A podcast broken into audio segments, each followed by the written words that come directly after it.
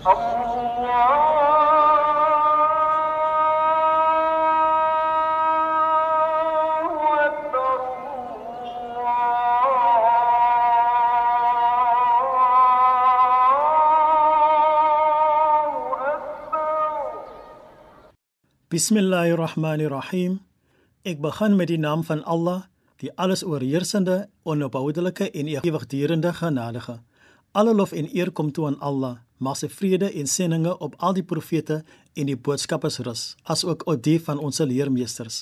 Assalamu alaykum wa rahmatullahi wa barakatuh. Die vrede en seëninge van Allah op u. Die rustigheid waarmee jy slaap en die gehalte van die nagrus hang af van wat jy gedurende die dag gedoen het. Indien jy baie moeg is teen slapenstyd, is die versoeking baie groot om die rituele van gereedmaak vir slaap net oor te sien. Andersins kan ek my aandag laat aflei deur ander goed te doen, byvoorbeeld op my slimfoon uit te haal, gaan deur sosiale media, opdateer jou profiel en so aan. Dit verhoed 'n mens om in jouself in 'n toestand van heiligheid te plaas en gereed te maak vir die slaap. Volgens ons Nabi Mohammed, vrede en seëninge op hom, kom daar elke aan wanneer ons gaan slaap, twee engele en 'n duiwel na ons toe en begin met ons onderhandel. Hierdie hadith word versterk deur 'n ander meer algemene hadith waarin die Nabi vrede en seëninge op hom gesê het dat daar gedurende die dag is daar vier engele en 'n duiwel wat die persoon vergesel en in interaksie met die persoon is.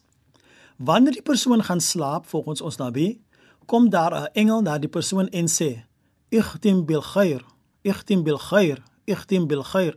Sluit jou dag af met goedheid en hy sê dit 3 keer. Dan kom daar 'n Satan en sê: "Beëindig jou dag met sleg, beëindig jou dag met sleg en eindig jou uh, dag met boosheid." Ons aksies word beoordeel met die wyse hoe ons dit eindig. Indien die eindaksie goed is, word ons daarvoor beloon. Indien dit sleg is, word ons daarvoor gestraf. Wanneer ons gaan slaap, betree ons die klein dood want ons siel verlaat die liggaam.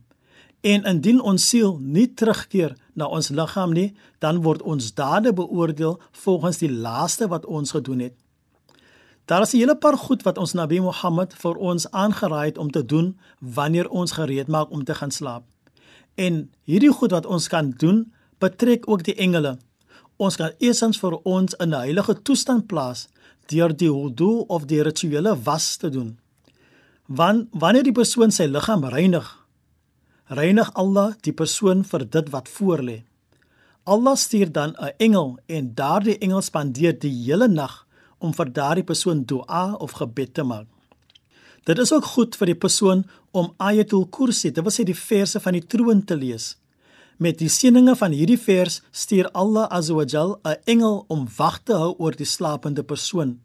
Die engel beskerm hom of haar teen enige boosheid wat die Satan vir die persoon mag beplan. Wanneer die persoon dan die volgende oggend wakker word, is hy of sy gereed om die dagtake met daardie seëninge van die vorige aand te begin. O Allah, vergun aan ons die vermoë om u aanbevelings uit te voer sodat ons gedurig onder u beskerming kan wees. Ons vra dit met die seëninge, die goedheid en die geheimenisse van Surah Al-Fatiha. Bismillahirrahmanirrahim.